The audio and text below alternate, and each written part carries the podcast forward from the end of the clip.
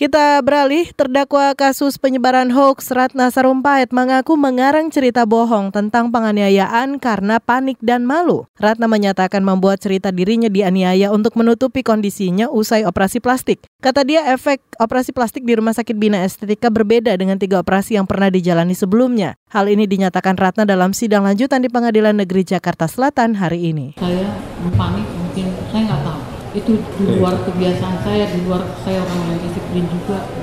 Ratna Sarumpait mengaku menceritakan kebohongan itu pertama kali ke staf pribadinya bernama Rubani. Selanjutnya cerita bohong itu tersebar ke publik. Dalam perkara ini Ratna Sarumpait didakwa melanggar Undang-Undang Informasi dan Transaksi Elektronik.